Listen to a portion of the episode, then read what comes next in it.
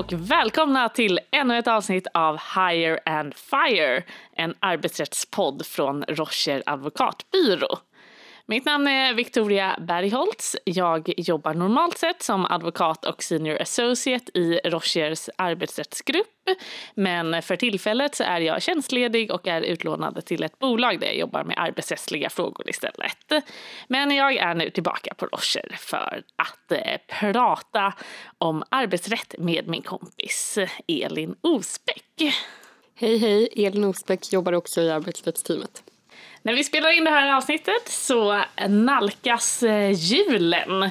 Och därför kommer vi ha en liten jultouch på det här avsnittet. Normalt sett så brukar Jenny Welander Wadström som är ansvarig delägare i arbetsrättsgruppen här på Rocher Stockholm-kontor att eh, vara med och svara på lite frågor. Men eh, idag så har vi eh, arbetsbefriat henne och eh, kör på egen hand. Så Elin, vad kommer hända för spännande saker idag? Ja, nu är det dags. Rocher tolkar julevangeliet.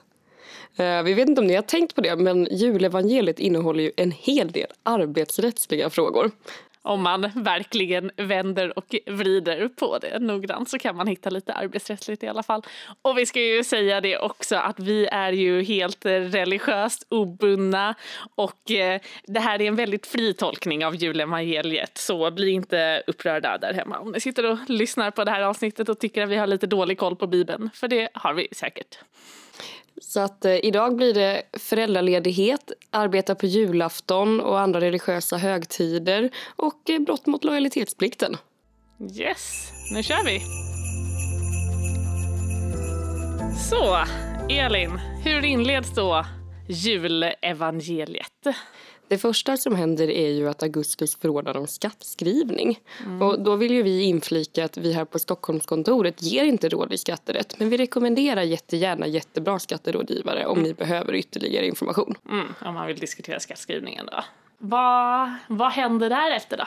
Jo, Maria har ju upptäckt att hon är gravid och kommer sen att föda ett barn. Och då har ju vi tänkt på vad gäller hennes rätt till föräldraledighet. Ja, alltså där får vi väl eh, anta då rent hypotetiskt att Maria var en väldigt eh, progressiv kvinna för sin tid och att eh, hon hade ett arbete. Och ja, vi får ju också anta att hon omfattas av svensk arbetsrätt år 2019 för att vi har ganska dålig koll på israelisk arbetsrätt faktiskt. Och framförallt israelisk arbetsrätt för 2000 år sedan. Fanns det? Man eh, kan tänka sig att den var ganska så smakad. Så om vi har gjort då de, de antagandena då har ju Maria rätt att vara ledig från sitt arbete. Borde hon anmäla det en viss tid innan till sin arbetsgivare att hon vill vara föräldraledig, Elin? Ja, det finns en huvudregel och det är att hon ska anmäla det två månader innan minst. Mm. Eller så snart det kan ske. För mm. att man förstår att ibland kan det komma som en överraskning. Mm, just det, så om hon får reda på ganska tätt inpå att eh, hon har Jesus i magen då, då är det okej att eh, säga det till sin arbetsgivare egentligen när hon får reda på det. Precis, men helst två månader innan. Mm. Och Victoria, hur länge får hon vara ledig då egentligen? Ja, det finns ju lite olika typer av eh, ledighet. Dels så finns det det som kallas för mammaledighet. Och det är ju någonting som baseras egentligen på EU-rätten. Det känns ju som ett ganska så osvenskt begrepp egentligen att eh, tala om mammaledighet. För vi vill ju gärna prata mer om föräldraledighet och att båda föräldrarna har rätt att vara lediga lika mycket. Men eh, det existerar eh, inte i EU-rätten utan där finns det i nuläget bara en mammaledighet som säger att Eh, som mamma så har man rätt att vara ledig minst eh, 14 veckor i samband med födseln. Sju veckor innan och sju veckor efter. Och det är faktiskt till och med så att två veckor, det är obligatoriskt att ta. Så det måste Maria göra vare sig hon vill eller inte. Därutöver så finns det ju då föräldraledigheten som vi talar om här i Sverige. Och det har man rätt att vara i eh, faktiskt upp till ett och ett halvt år oavsett om man tar ut eh, föräldrapenning eller inte. Sen har hon ju rätt att vara ledig de dagarna som hon tar ut föräldrapenning vare sig hon tar hel föräldrapenning eller delvis eh, föräldrapenning. Och det kan hon ha upp till då 480 dagar totalt som man kan ta föräldrapenning. Och de 480 dagarna de eh, ges till båda föräldrarna om de har gemensam vårdnad av barnet. Och ja, här, här, Josef var ju faktiskt inte eh, biologisk pappa till Jesus men eh, vi kan nog ändå anta att de kanske har gemensam vårdnad och oavsett så är han ju faktiskt hennes eh, sambo eller make. Det vet vi inte riktigt om de är gifta eller inte. Trolovade talade ju Bibeln om. Och därför så kan de ju egentligen då ta 240 dagar var. Sen kan man överlåta dagar till den andra föräldern. Men 90 eh, dagar går inte att överlåta. Det är ju det som brukar kallas för pappamånaderna, de här 90 dagarna. Som brinner inne om man inte använder dem. Mm, det är ju tråkigt. Mm. Och eh, då en liksom nära fråga det är ju vad kan man få för ersättning under föräldraledigheten?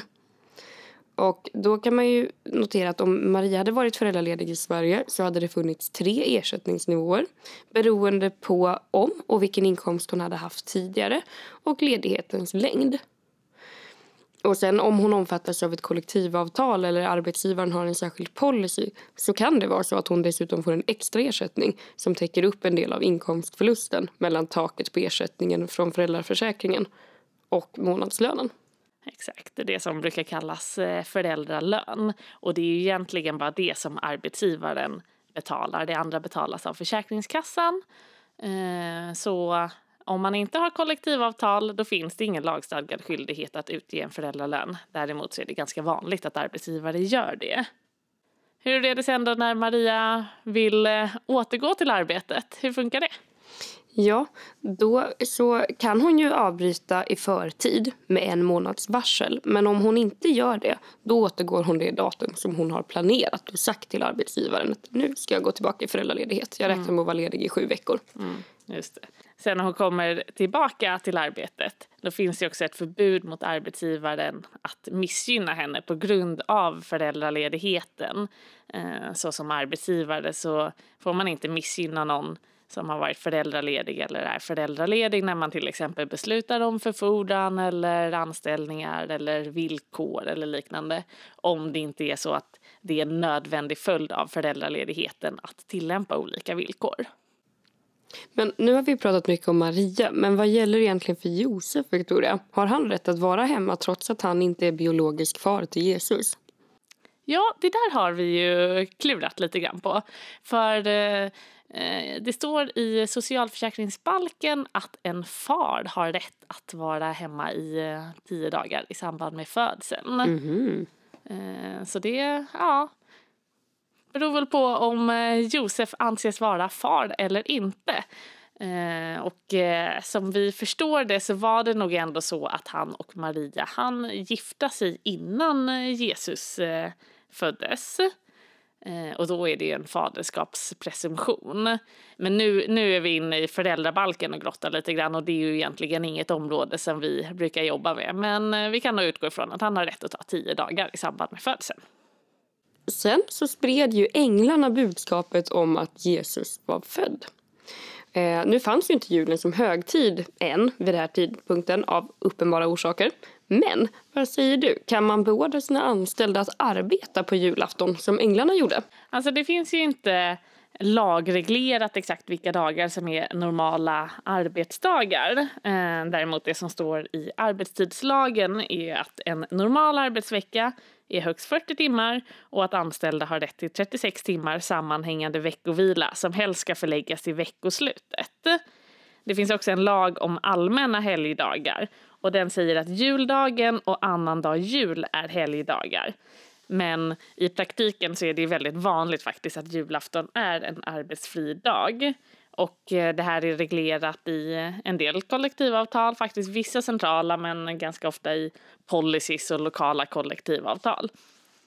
Och det står ju även i eh, semesterlagen att eh, julafton som huvudregel inte ska räknas som en semesterdag. Så att om man är ledig där omkring så ska man inte behöva ta en semesterdag för att vara ledig på julafton. Eh, det är huvudregeln i alla fall. Men däremot det kan ju absolut vara så att många verksamheter har behov av att folk arbetar på julafton. Och det brukar ju då normalt gå att, att egentligen beordra de anställda att göra. Eh, till exempel då vid en extraordinär händelse som Jesus eh, födelse. Där fick ju änglarna jobba extra. Ja, och då om man nu jobbar på julafton eller andra helgdagar däromkring då hör man ju ofta att man har rätt till så kallade OB, obekväm arbetstidstillägg. Mm. Folk eh. pratar ofta om det i alla fall, att man tänker att jobbar man på julafton så har man rätt till extra ersättning, OB. Men hur är det egentligen med det? Ja, det där är ju inte heller någonting som finns eh, lagstadgat. Det finns ju överhuvudtaget inte lagstadgat någonting i Sverige om eh, löner och vad som är en minimilön. Det finns inte lagstadgat att man har rätt till någon övertidsersättning eller liknande. Men eh, det finns reglerat i en del kollektivavtal om att man kan ha rätt till sån då OB-ersättning om man jobbar på julafton. Och då kan ju det vara antingen en särskild summa per timme eller en, eh, ja, ett visst antal gånger i relation till dagslönen eller så. Och nu när vi ändå pratar om eh, ledighet då kommer man ju att tänka på att eh, Jesus han var ju faktiskt eh, själv eh, jude. Och hur, eh, hur funkar det, Elin? Har man rätt liksom, som jude att vara ledig på chanukka och ja, men andra religiösa högtider om man har en annan religion än kristen? Nej, eh, tyvärr inte. Det kan finnas kollektivavtalsbestämmelser som säger att man får byta helgdagar om det går med hänsyn till verksamheten. Eh, eller att arbetsgivaren ska ta hänsyn till religiösa högtider vid semesterönskemål. Men eh, i lag, nej. Men det följer å andra sidan också den svenska modellen. Att väldigt få eh, regler finns idag. Mm, ja, men exakt. Och det är väldigt få kollektivavtal som reglerar Eh, den rätten till eh, ledighet också på religiösa högtider. Eh, jag tror det finns ett par, ett par enstaka, men eh, annars brukar det väl kanske ofta vara en dialog mellan arbetsgivaren och den anställda om det kanske går att byta dagar eller eh, ta semester. Och det kan ju vara väldigt smidigt i verksamheter som typiskt sett behöver bemannas under eh, dygnets alla tidpunkter. För då kan vissa kommer vilja vara lediga på julafton, andra kring ramadan och så kan man gå om varandra och vara lediga när man vill. Mm, ja men exakt, så i, i vissa verksamheter kan det verkligen skapa en bra flexibilitet det här med att eh, folk vill vara lediga på olika tider. Mm. Och sen då tycker vi nästa punkt i vår tolkning av julevangeliet är ju de tre vise männen som kommer med gåvor. Ja, myrra, guld och rökelse. Ja, yeah. och då tänkte vi lite på julgåvor. Um, som arbetsgivare kan man ju ge julgåvor till de anställda. Det är ganska vanligt. Men då kommer skatterätten in igen. Och nu lajvar vi här. Uh, Ja, vi ger ju ingen skatterättslig rådgivning helt enkelt. Nej, men i vår erfarenhet så är de här julgåvorna skattefria om värdet inte överstiger 450 kronor inklusive moms. Mm, exakt, och vår erfarenhet baseras på Skatteverkets hemsida så den får vi hoppas är rätt. Och sen har det blivit vanligt på senare år att arbetsgivaren istället ger ett sorts presentkort där man säger att nu skänker vi till dig att du får skänka pengar till ett välgörande ändamål. Ja, exakt. Som att jag skänkte pengar till Östersjön igår. Exakt, och jag skänkte till äldreomsorgen. Mm. Eh, och då är det ju viktigt att de här måste vara klart utpekade alternativ för att annars blir förmånen skattepliktig. Mm. I vår erfarenhet. Exakt, det stämmer. Hur är det då med att ge gåvor till, eh, till kunder och andra samarbetspartners? Det brukar ju vara någonting som dyker upp ofta så här i juletider, att många kanske förväntar sig att få en gåva. Ja, precis. Och där eh, är det ju vanligt att man gör det, men som en yttre ram så finns det ju regler om muta, givande och tagande. Och därför kan det vara bra att ha en policy på plats arbetsrättsligt så att man kan vidta åtgärder om någon bryter mot policyn. Mm, just det, så att man tydligt kan visa att eh, nej, men nu har du ju överskridit de ramarna vi har satt och det är ett brott mot ditt anställningsavtal. Mm. Och så får man gå vidare och se vad det kan innebära. Mm, exakt. Och det var väl ungefär de eh, arbetsrättsliga aspekterna som vi har kunnat hitta i julevangeliet. But the story continues. Ja, för att eh, vi tänker att den, den, största arbetsrättsliga red flaggen, den kom ju senare i, i Jesus liv. Och det var ju när eh, Judas förrådde honom. Och det får man ju ändå säga var ett klart brott mot lojalitetsplikten troligen då grund för avsked om nu Judas anses vara anställd av Jesus. Ja, alltså det måste, ett anställningsavtal måste inte ingås i skrift utan det kan ingås muntligen och konkludent. Um, och konkludent är ju helt enkelt att man inrättar sig efter situationen så att båda parterna agerar som om man är anställd. Precis. Typ när ni kliver på en buss och betalar för det så får man nog uppfatta det som att parterna tycker att ni har ingått ett avtal om busstransport. Mm. Ja exakt, jag brukar inte slänga fram ett skriftligt avtal där utan jag kör konkurrenta versionen. Exakt, och så kanske det funkade för Jesus och Judas också. För att ersättningen i ett anställningsförhållande behöver inte heller vara i pengar utan det kan till exempel bestå i mat, exempelvis bröd och fisk. Mm. Tråkig eh, lön, men visst, det kan det göra. Så vad, vad, skulle du ha gett Jesus eh, för råd då för att eh, förebygga den här situationen med Judas? Ja, alltså han borde ju ha klargjort lojalitetsplikten tidigare egentligen, tycker jag. Och det är ju, även om det är en dold klausul i alla anställningsavtal enligt Arbetsdomstolens praxis så är det bra att förtydliga vad den innebär. Mm, ja men exakt, så att man sätter ramen.